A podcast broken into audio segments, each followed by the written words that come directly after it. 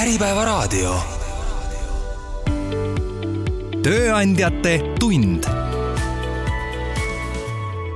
tervist, head kuulajad, kuulate saadet Tööandjate tund ja tänases saates, nagu ka sügishooaja saadetes etteruttavalt öelda võib, on meil vaatluse all tööturg ja räägime sellest erinevate nurkade alt ja seda tänast nurka on siin saates avamas Luminori peaökonomist Lenno Uusküla, tere tulemast! tervist!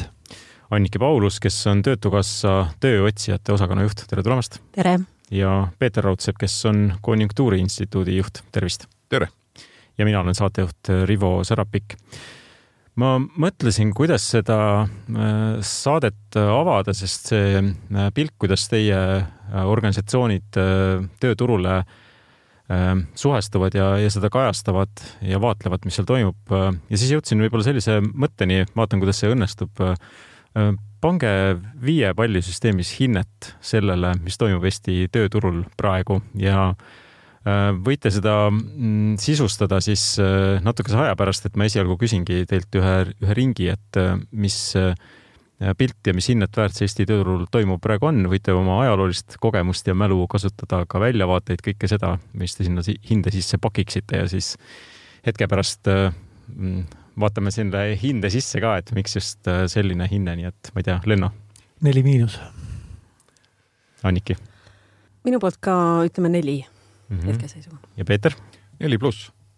okei okay., suhteliselt äh, üksmeelne võib-olla aga Lenno, miks siis äh, neli miinus, et äh, miks see miinus seal on, et selle kohta koolis öeldi ju, et see on tegelikult kolm pluss, et ei ole enam võib-olla niivõrd neli.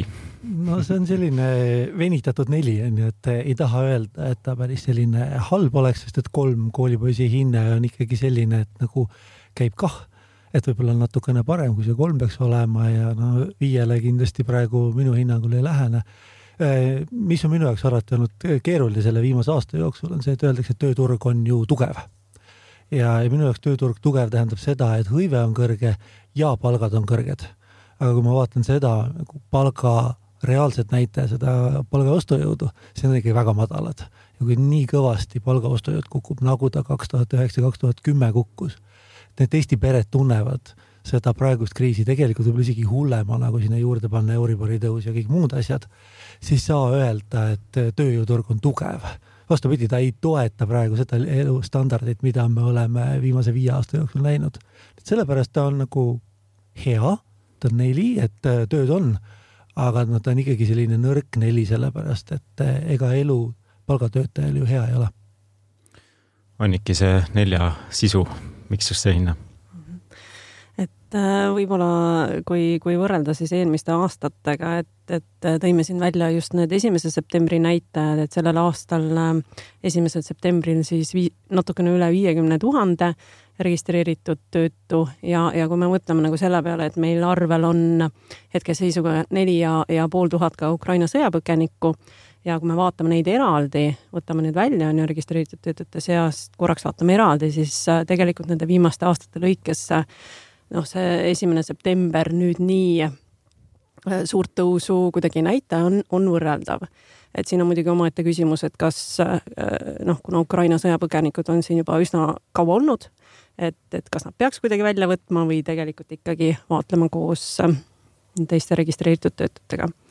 ja, ja noh, selles mõttes neli, et kuna neid muutusi nii suuri ei, ei ole olnud ja, ja tõepoolest on ju see, see olukord, kes äh, tööd tahavad leida, et hetkel see on võimalik, tööpakkumisi on ja, ja tööandjad äh, tegelikkuses otsivad ka või, või äh, mõnikord ka vahetavad välja nii-öelda töötajaskonda, et otsivad paremaid spetsialisti, teades, et praegu võib-olla tööturul neid on. et, et ka see kuulub sinna nelja juurde. ja hetkel on selline noh, ei teagi, et kuhu, kuhu poole läheb, et kindlasti sügisel siis töötus tõuseb, aga jah, kui võrrelda siis eelmiste aastatega, et siis neli. Peeter, neli pluss Konjunktuuriinstituudi poolt siis, miks nii? Mm, jah, mul oli nüüd kõige kauem aega järele mõelda, et, et asja huvitavamaks teha, ma võib-olla parandaks selle isegi viis miinuseks. Oh.. et ähm, võrrelda tuleb. Äh, eelmiste aastatega võrdlust, jah, kahtlemata tänane pilt ei kannata. Aga kui mõelda nüüd selle peale, et ähm, Eesti majandusnäitajad on juba pikemat aega olnud äh, halvenemise suunas ja majanduslangust tuleb täna nimetada juba, kuna ta on rohkem kui aasta kestnud, pikaajaliseks, siis tegelikult nendes tingimustes on äh, tööjõuturg päris hästi vastu pidanud. et äh, kõik need lõpetamised, koondamised, mis on aset leidnud, siiski on sellel tööjõuturul need inimesed leidnud endale uue ameti, uue töökoha suurel määral, aga äh, tuleviku osas jah, ma sellist optimismi ei jaga, et, et äh, las see Viis Miinus jääb siis tänasesse päeva ja olla selline suhteline hinne. jah, see vastuolu on tõesti, millest on arutatud ka ja, ja püütud siis mõtestada, et et millal mingid need näitajad siis muutuma hakkavad, et majandus on tõesti langenud poolteist aastat palgad on kasvanud, tööhõive on hästi äh, kõrge ja, ja mis see pöördepunkt võiks siis äh, olla, et sellest äh, tänases saates ka veidikene räägime, aga võib-olla sellist hetkeseisu annab kõige paremini edasi Töötukassa selline igapäevane pilt siis tööturust, et sa tõid küll välja töötute näitajad, aga mis sealt tagant veel võib näha, et ütleme, ettevõtjate käitumist, suhtumist, tööotsijate suhtumist, vabad töökohad, et äh, milline see pilt paistab, et kas see on ka tavapärane nii-öelda sügisega võrreldes või saab sealt midagi muud välja lugeda? Mhm. et äh, tööturul jah, tõepoolest on, on ju välja kujunenud mustrid. Äh, kui me vaatame seda aastat, siis see aasta mm, selles mõttes üllatas meid natukene selle poolest, et hooajatöid ei olnud nii palju põllumajanduses ja teeninduses kui tavapärasemalt ja, ja kui äh, suvekuudel on meil töötus langenud, siis see aasta ei langenud nii palju, kui me, kui me oleks ka, ka oodanud ja, ja sügisele noh, me lähme siis vastu äh, suurema töötusega.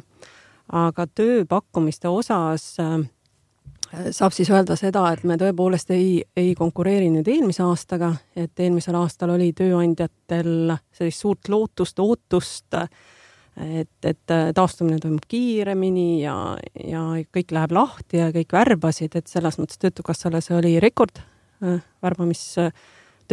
mõistes. Äh, eelmise aastaga võrrelda ei saa, aga me võime vaadata kaks tuhat üheksateist, kaks tuhat kakskümmend, et tööpakkumiste arv jääb sinna tasemele, natukene võib-olla isegi parem kui kaks tuhat üheksateist, kaks tuhat kakskümmend. augustikuus oli meil viis tuhat uus, uut tööpakkumist täna just vaatasin äh, värskelt üle äh, natukene alla kolme tuhande kolmesaja tööpakkumise ja, ja tööandjad on neid, kes hoiavad, on optimistlikud ja püüavadki üle elada. on ka neid, kes kasutavad seda aega ka investeeringute tegemiseks. et Äh, leiavad ja püüavad teha investeeringuid ja tõepoolest püüavad leida neid häid spetsialiste siis tööturult, nagu ma ennem ka mainisin, et siis tugevamalt äh, vastu minna uutele hooaegadele ja, ja olla siis konkurentsivõimelisemad ja, ja on, on siis neid, äh, kes on püüdnud vastu pidada, aga ikkagi peavad need otsused ära tegema. ja, ja, ja võib-olla siis leidma kas teised valdkonnad, äh, kui on võimalik leida. Ja tööotsijate mõttes äh, tööotsijad äh, kõigepealt vaatavadki üle oma oskused-teadmised ja, ja mõnikord noh, mõtlevad ka erialavaliku peale. mõnikord nad näe-, jäävad sinna uuele erialale, kuhu nad siis sisenevad püsivalt, teinekord on see ajutine.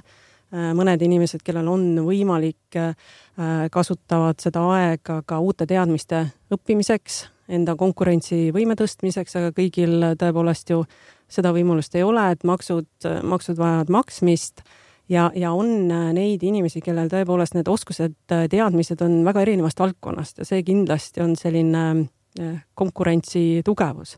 et, et need inimesed, sellised keerulisemad ajad elavad üle ja, ja on neid, kes, kellele need keerulised ajad siis toovad selliseid uusi mõtteid ja, ja toovad ka ettevõtlusmõtteid, et võib-olla kui nad varasemalt pole kunagi ettevõtluse peale mõelnud, pole nii-öelda palgatöö kõrvalt aega olnud, aga neil on selline mõte või hobi. Ja et siis nad lähevad seda rakendama. Ja see ettevõtlusesse sundimine on natukene võib-olla nagu aja märk, sellepärast et palgatööst lihtsalt ei ela ära ja sa peadki vaatama, et mida veel teha saab, et see märk suurest hõivest on ka sellest. Ikkagi näide sellest, et inimesed otsivad teist ja kolmandat töökohta endale juurde ja kui peres on inimene, kes enne oleks võinud kodus olla natukene kauem, siis nüüd saadetakse kiirelt tööle. just sellepärast, et sissetulekud on väiksed. ja eelmine aasta ka oli niisugune naljakas olukord, kus tootlikkus oli madal, sama töö jaoks oli vaja rohkem äh, tööd teha, sama tulemuse jaoks oli vaja rohkem tööd teha, see oli see hetk, kus ostujuhid põhimõtteliselt ei saanud oma tööga hakkama üksinda, sa pididki nagu teise ja kolmanda ostujuhi juurde ost-, võt, äh, võtma ettevõttesse, et saada kätte oma puit ja metall, sellepärast et see tuli ei tea millisest maailma otsast kohale. ja inimesed tegid kõvasti tööd ja päeva lõpuks tulemus oli see, et need materjalid ikkagi võib-olla ei jõudnud kohale ja, ja kui see materjal läheb ehitusel näiteks kolmkümmend protsenti kallimaks ja tööjõud läheb viis või kümme protsenti kallimaks, siis ongi niimoodi, et sa palkad töötajaid selleks, et nad asendaks materjali.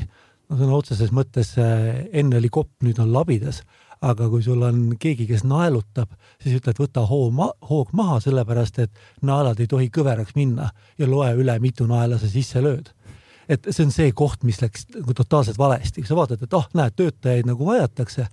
jah, neid vajati, aga sellel täpselt valel põhjusel, et see majandust viib edasi see, kui töötaja teeb rohkem selle aja jooksul ja saab valmis rohkem, siis eelmine aasta on see, et töötaja just nagu liigutas rohkem, aga tegi vähem.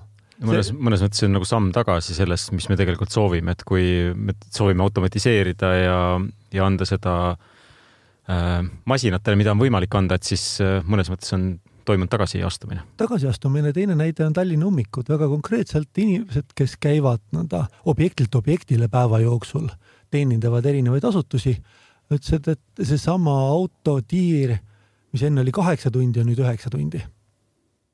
puhas tootlikkus, äh, inimene näeb kõvasti vaeva, aga tulemust ei ole ehk siis ummikud on äh, nähtavad ka või mõõdetavad ka tootlikkuses, mitte ainult selles ummiku pikkuses? väga konkreetselt ettevõtte tootlikkuses on seda näha, jah. ma illustreeriksin seda mõtet, et äh, palgaga ei ole võimalik äh, ära elada ja otsitaksegi lisatööd ja, ja, ja seda ka ettevõtlusest, enda algatatud ettevõtlusest, et Konjunktuuriinstituut tegi mm, teise kvartali konjunktuuriuuringu juures niisuguse tähelepaneku, et äh, viiskümmend neli protsenti peredest ütles, et nende majanduslik toimetulek on halvenenud. vaid neliteist protsenti ütlesid, et on paranenud. Noh, äh, saame näha nüüd kolmanda kvartali järel, kui tuleb uus uuring, et äh, mis need protsendid siis on, aga aga suure tõenäosusega võib ennustada, et see halvenenud osakaal ikkagi kasvab. Aga mida ettevõtjad räägivad, sest ega tööturg ei ole ju asi iseeneses või kuidagi lahti ühendatud sellest ja see pilt, mida äh, Annike meile maalis, et see on mõnes mõttes nagu peeglisse vaatamine, aga mida ettevõtjate kindlustunded räägivad, äh, kuidas nemad tulevikku näevad, sest see on see, mille pealt me võiksime välja lugeda seda, mis tööturul saama hakkab, et siis ma ei tea, Peeter, teed omalt poolt otsa lahti. väga lihtne on seda kommenteerida, et äh, konjunktuuriuuringu kõik kindlustunde indikaatorid, kõik graafikud on äh, trendiga allapoole, et siin ei ole, siin ei ole nagu võimalik rääkida, et, et üks oli paremini kui teine, teine halvemini, kolmas halvemini, aga et, et kõik on ühtemoodi äh, negatiivse suunaga. ehk siis äh, see, et tööturg on püsinud vastu, see mingil hetkel on pöördumas? kahjuks küll. no see lihtsalt ei saa, olla niimoodi, et see jätkub samal moel, kui tööstustoodang on langenud äh, kaheksateist protsenti viimase pooleteise aastaga ja kui sinna juurde paned sellise mõistliku kasvu, mis peaks olema tootlikkusega, siis me räägime võib-olla veerandist toodangust vähem, kui oleks võinud olla ilma selle viimase kriisita.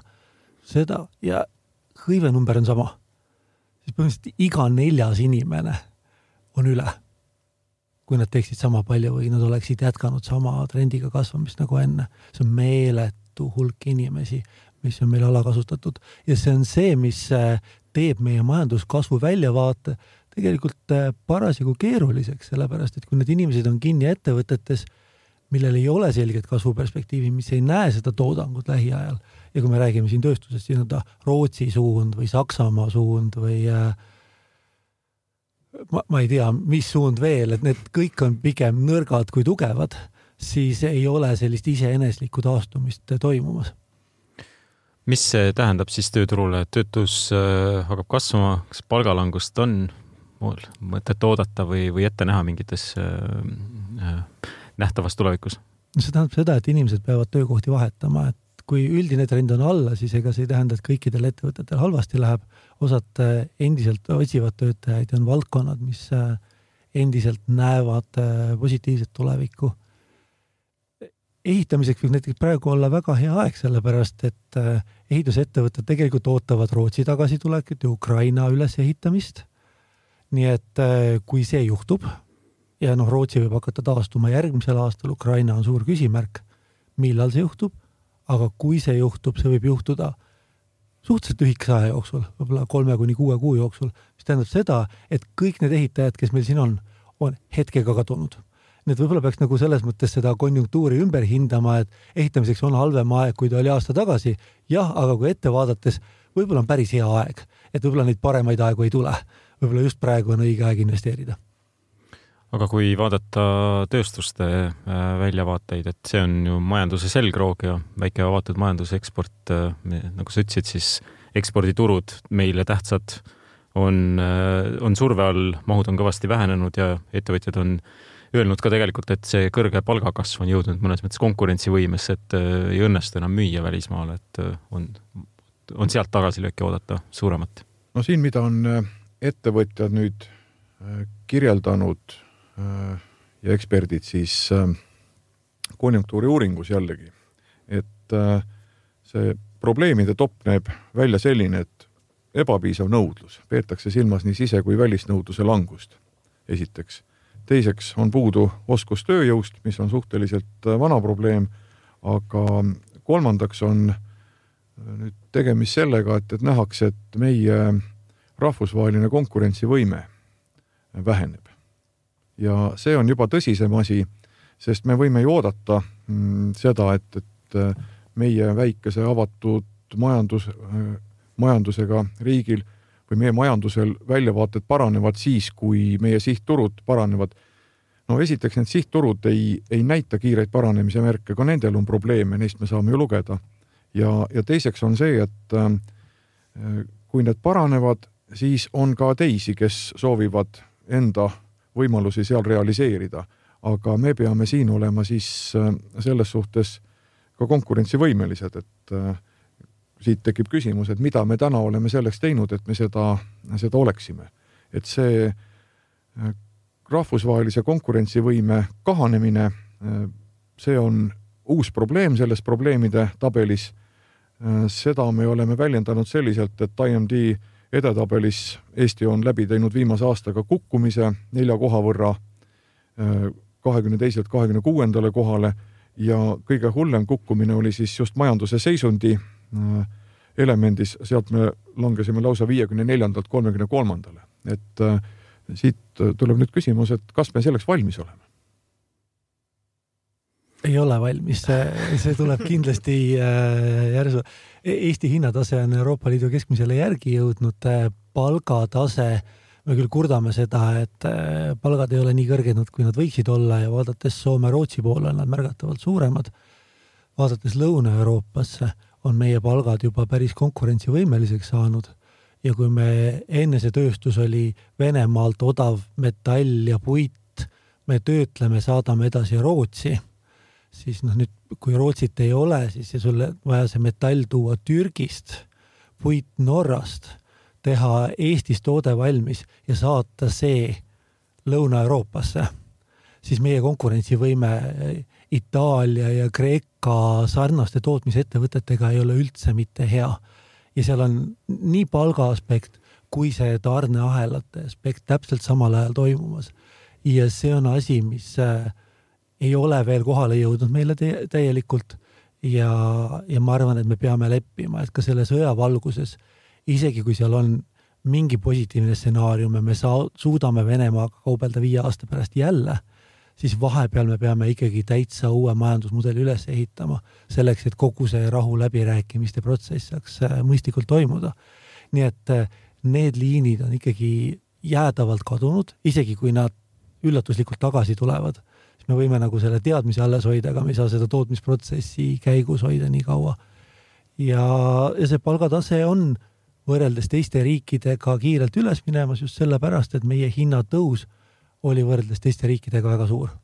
et see reaalpalga langus ei tulene mitte sellest, et meil palgakasv oleks väiksem olnud, vaid ebaproportsionaalne hinnatõus oli meil võrreldes teiste riikidega ja vot see on see, mis on keeranud väga kiirelt Eesti majanduse seisu pea peale. vot ähm, ärgu nüüd need väga võpatagu, kes on äh, Brežnevi ajaga kursis, äh, et ma kasutan niisugust sõna, aga minu meelest meie majandus on langenud stagnatsiooni.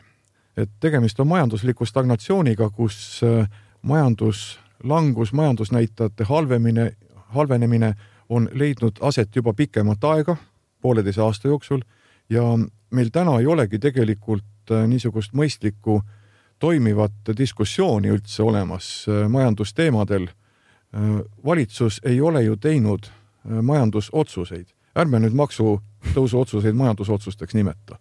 Et tegelikult ei ole valitsus teinud mitte ühtegi mõistlikku või, või olulise mõjuga majandusotsust ja me lihtsalt loodame, et meil läheb paremaks selle läbi, et, et et, et äh, välisturgudel läheb paremaks, siis meie ekspordiväljavaated paranevad. me ei pruugi seda ära realiseerida. meil puudub täna äh, plaan, meil ei ole majandusalast diskussiooni äh, valitsuse tasemel. ja mind teeb see olukord ärevaks, kus pigem asjade lahendamiseks nähakse nagu seda, et rahandusminister ütleb, et me varsti jõuame nagu järgmise maksudiskussioonini, justkui oleks seda eelmist või esimest äh, mõtet äh, tõsiseltvõetavaks diskussiooniks üldse pidada. et noh, kui me niimoodi asju hakkame lahendama, siis, äh, siis ma ei näe nagu seda, et me suudame ka välisturgude olukorra paranemise või sihtturgude olukorra paranemise järel hakata ennast paremini realiseerima. selleks on plaani vaja seda maksudebatti on kindlasti Eestis vaja. kaks aastat tagasi ma töötasin Arenguseire Keskuses ja seal me töötasime just nõnda maksude teemaga ja rääkisime nendest väljakutsetest, mis on Eestil ees, kui raske on makse koguda tulevikus selliste majanduse arengutega, nagu me näeme ja ilmselgelt maksustruktuur peab muutuma ja seal ei ole meil väljapääsu. see on nüüd see koht, kus saab öelda, et see, mis meid siia tõi, see ei vii meid edasi ja seal on nii tööjõu maksustamise teema, mis on keeruliseks läinud kõigi platvormide tulekuga, me räägime siin äh, rohepöördest ja, ja, ja muudest teemadest, mis vajavad väga spetsiifilisi investeeringuid, väga spetsiifilisi samme, et edasi liikuda terves majanduses, mitte ainult riigi valdkonna, riigisektoris, vaid ka erasektoris. ja see on need, mis on vaja päriselt teha. mis on meid ära uinutanud viimase viie aastaga, ma arvan, on olnud äh, startup'ide väga suur edu ja, ja lõputud kriisid on meid ära väsitanud.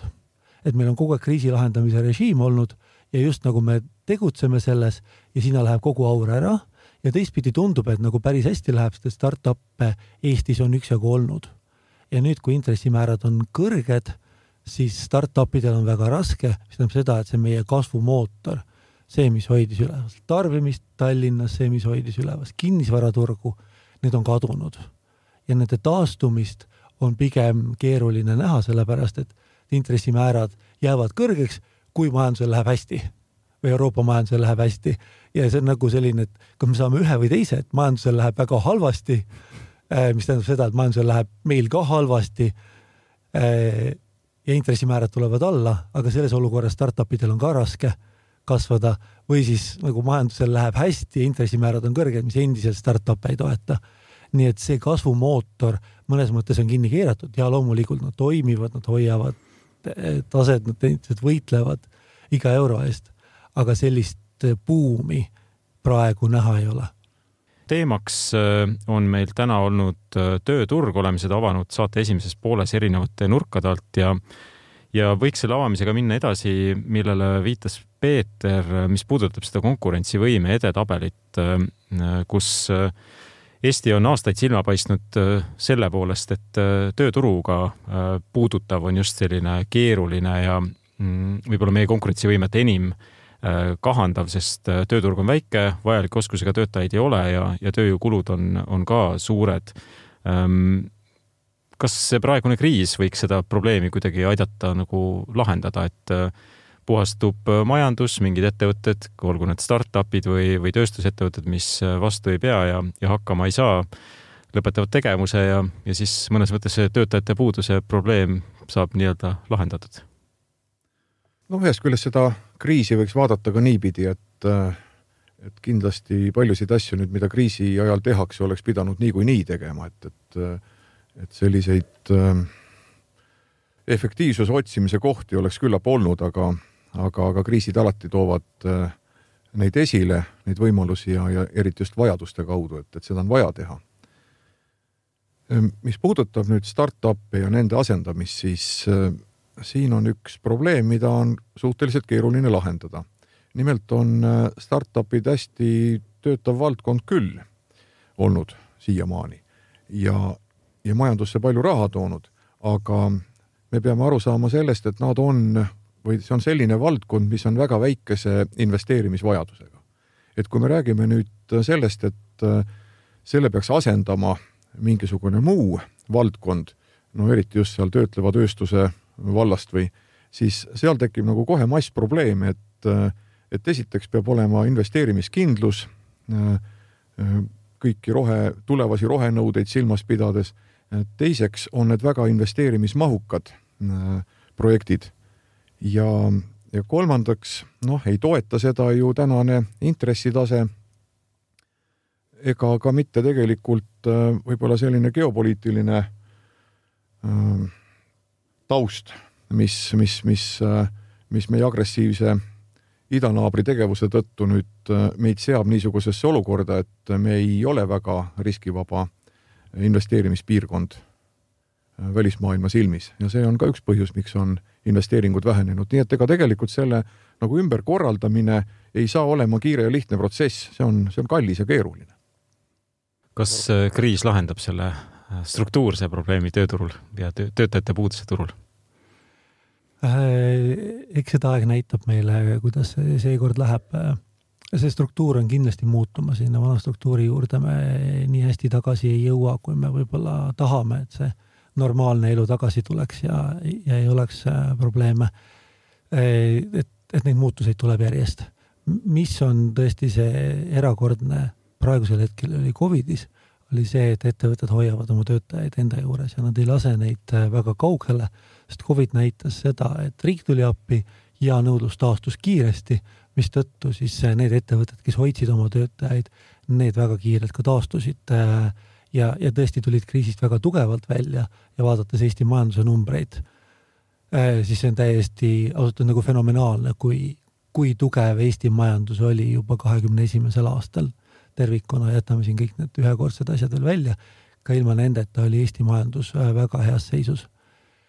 nüüd äh, seekord hoitakse täpselt samamoodi neid töötajaid enda juures ja küsimus on selles, et kas ta taastub ja eks need ettevõtjad ka, ma arvan, iga päev loevad uudiseid ja käivad oma partnerite juures rääkimas ja küsimas, et kuhu ma saaks müüa ja millal see järgmine tellimus võiks tulla ja muretsevad selle pärast, et mida ma nendele töötajatele pakun poole aasta pärast ja, ja aasta pärast.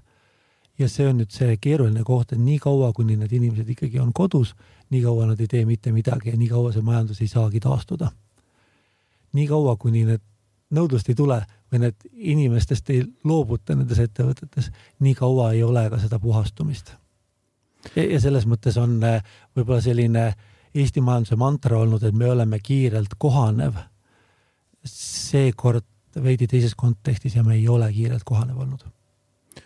nõudluse taastamisse saame mõnes mõttes vähe panustada, et äh, Rootsi ja Saksamaa turgu on meil vähe võimalust mõjutada, aga seda valmisolekut me saaks tegelikult mõjutada ka näiteks, ma ei tea, oskuste poolelt või, või, või selle poolelt, milliseid töötajaid äh, äh, on ettevõtetel tarvis, et mis me siin saaks või võiks siis teha, et Peeter viitas küll, et sellist arutelu selle üle nagu väga ei ole, et mis majandust konkurentsivõimeliseks teeb, aga see on ju üks küsimus nendest, et kuidas siis olla valmis selleks, mis tulevik toob? selle töötajate puudusega natukene krooniline teema ka, et meil lihtsalt noori on väga vähe. Need põlvkonnad, kes on kahekümne, kolmekümne vahel, on kaks korda väiksemad kui need, kes olid kolmekümne, neljakümne vahel, mistõttu noori, noort töötajat endale saada on ikkagi päris suur tegemine praegusel ajal ja see tekitab natukene sellise illusiooni, et tööturg on tugev, lihtsalt inimesi ei ole vähe. Need Ukraina sõjapõgenikke on integreeritud, aga ma arvan, et siin on päris suur väljakutse veel Eesti sees. Need esimesed numbrid olid küll sellised, et need ettevõtted, kuhu nad tööle läksid, olid pigem venekeelsed.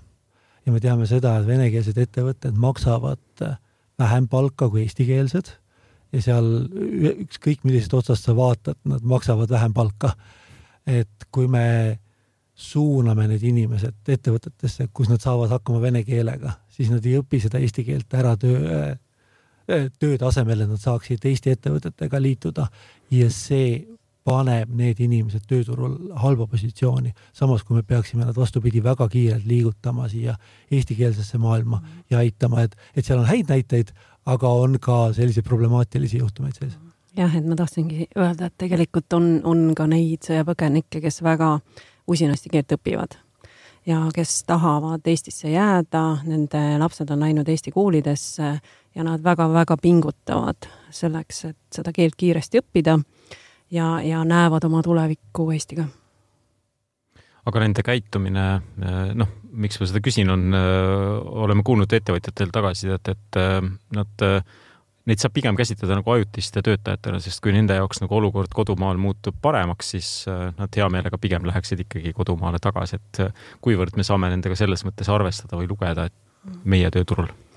Et ongi erinevad äh, olukorrad, tõepoolest on neid, äh, kes äh, väga pikisilmi tahavadki tagasi minna ja mõistetavatel põhjustel, aga on ka neid sõjapõgenikke, kes ikkagi ei näe ennast tagasi minemas ühest küljest, kuna neil ei ole noh, enam mitte midagi, kuhu tagasi minna ja, ja teisest küljest ähm, noh, nad näevadki, et, et turvalisem on võib-olla minna pikemas perspektiivis, eriti kellel on lapsed edasi noh, Eestis või teistes riikides ja aga, aga tõepoolest üldistada ei saa, et. no see üldtulemus sõltub sellest, kui hästi me neid seome. et kui nad on siin äh, koduselt tundmas ennast ja ongi nad eestikeelses ühiskonnas ilusasti sees, see teeb selle sammu tagasiminekuks palju raskemaks kui seda, et nad tunnevad võib-olla ennast ebamugavalt ja nad saavad aru, et nende perspektiiv ühiskonnas ei ole äh, sama hea, kui äh, võiks olla mujal. aga kui vaadata seda välistöötajate teemat natukene laiemalt, äh, see on ka üks tahk tegelikult, mis meie konkurentsivõimet äh, selles pingereas on mõjutanud, et meil on hästi karmid reeglid välistöötajate palkamiseks, et on piirarv ja teatud normid, mis tuleks palka maksta ja nii edasi ähm, ettevõtjad ja tööandjad on pikalt rääkinud, et need reeglid on oma aja ära elanud. ehk siis kas see võiks olla nagu lahendus või vastus sellele, et meie tööturg on väga väikene, piiratud, et äh, me suhtuksime sellesse välismaalt värbamisse senisest nagu leebemalt ja, ja see aitaks meil lahendada seda probleemi, et siin lihtsalt töökäsi ei jagu. ei no meil on olnud väga suur tagauks lahti, et kõik, kes kvalifitseerusid startup'iks, said äh, väljapool seda tavalist äh, kvooti töötajaid tuua, et selles mõttes ühe sektori jaoks ikkagi äh, oli olukord hoopis teistsugune, kui on paljude muude ettevõtete jaoks ja siis on küsimus, et eh, mida me tahame, keda me tahame. kui on ta tööstusettevõtete palkamist kuulata, siis eh, ega ju see, et ei ole kvalifitseeritud töötajad, tähendab tihtipeale seda, et ei ole kvalifitseeritud odavat töötajat. ja, ja kui sa vaatad seda, millise palga juures soovitakse palgata, vaadates tulevikku, siis saad aru, et see ei taga inimesele äh, väga head elu Eestis, mistõttu ta jääbki siia väga halba positsiooni, olgu ta siis äh, kohalik või olgu ta immigrant, et võib-olla sellised harud peaks ikkagi ka meie välja viima Eestist. Ja noh, siin on ka näiteid sellest, kuidas mööbli tootmine ongi Ukrainasse viidud ja ja, ja muudesse riikidesse, et, et, et ongi valdkonnad, kus me ei ole enam konkurentsivõimelised ja, ja me ei peagi võib-olla lootma sellele, et me toome odava tööjõu siia Eestisse kohale, sest et lõppkokkuvõttes on vaja ikkagi, et need inimesed, kes Eestis elavad, nad elavad päris head elu, et nad saavad hakkama. vot ma tahaks ka seda toetada, seda mõtet, et äh, me ei saa nagu nii mõelda, et me toome kõik sisse, me toome tooraine sisse, me toome odavad äh, töötajad sisse. mis me siis siia jätame? keskkonnamõju, rohkem suurt midagi, et, äh, et tegelikult niisugused liiga leebed äh, reeglid või, või nende leevendamine siis, et, et tuua rohkem tööjõudu sisse, et see tegelikult võib osutuda karuteeneks, et see just majanduses selliseid struktuurseid muudatusi esile ei kutsugi, et, et see on täpselt sama, sama teema, et meil on endal töötajad, nad on,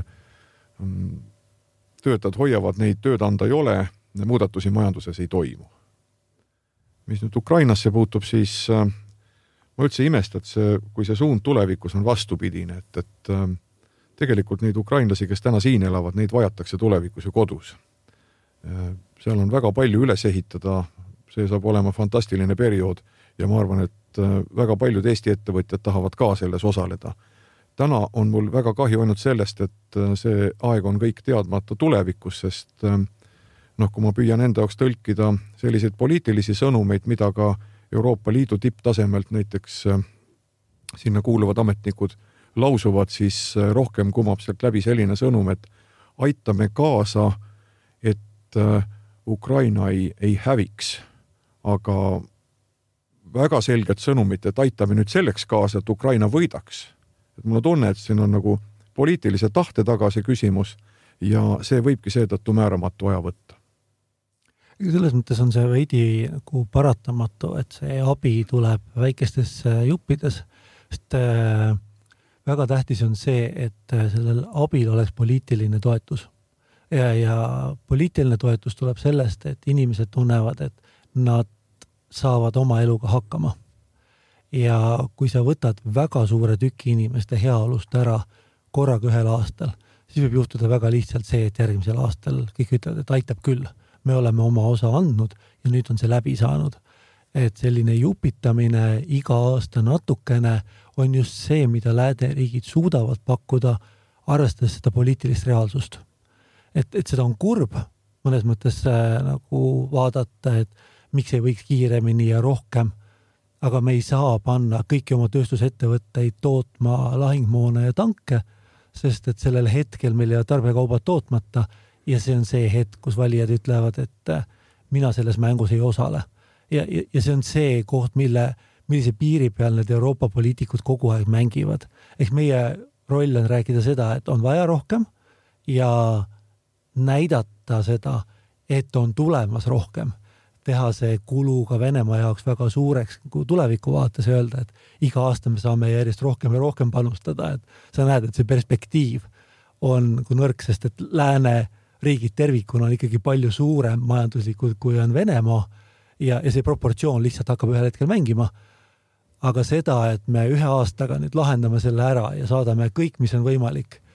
Ja see on ebarealistlik poliitiliselt ja lihtsalt see on ka paratamatus, mis käib meie demokraatiaga kaasas lõpuringi küsimus äh, jälle teile kõigile.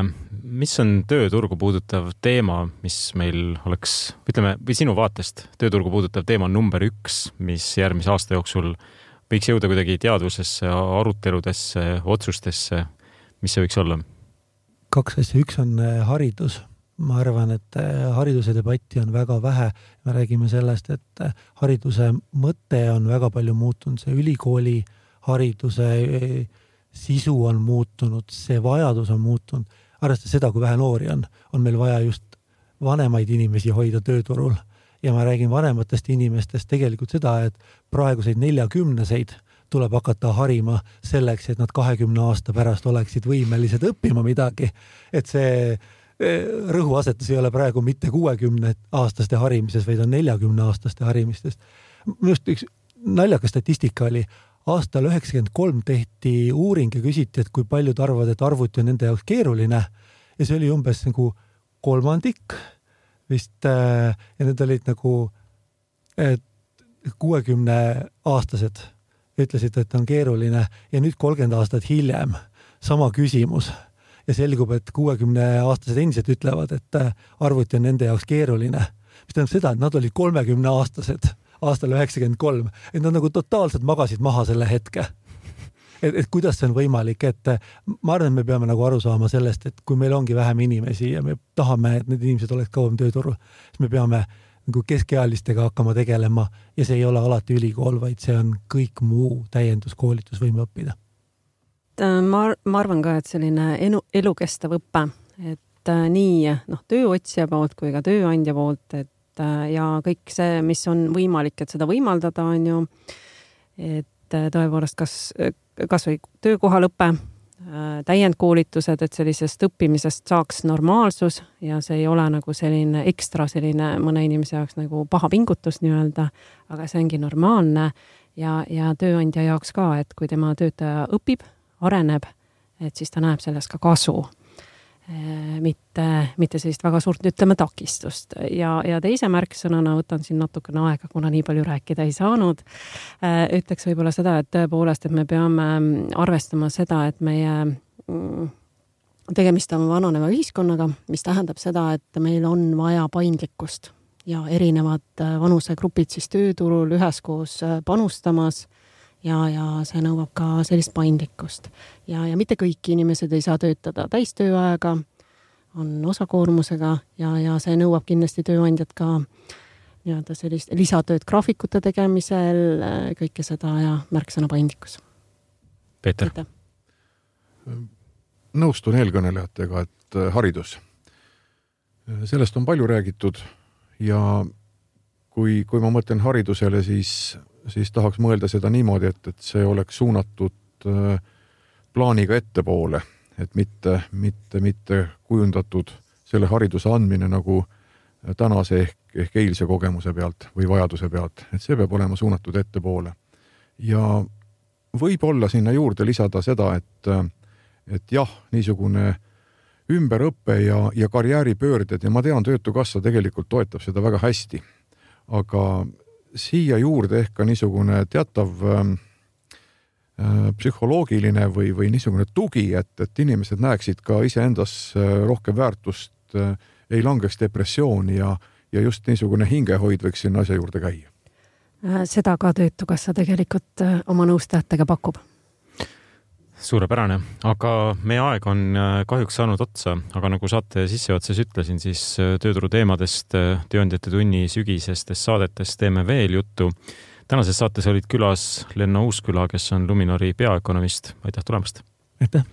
Anniki Paulus, kes on Töötukassa tööotsijate osakonna juht, aitäh sulle ka! aitäh! ja Peeter Raudsepp, kes on Konjunktuuriinstituudi juht, aitäh sulle! tänan! mina olen saatejuht Rivo Sarapik ja tänan ka kuulajaid ning kuulmiseni!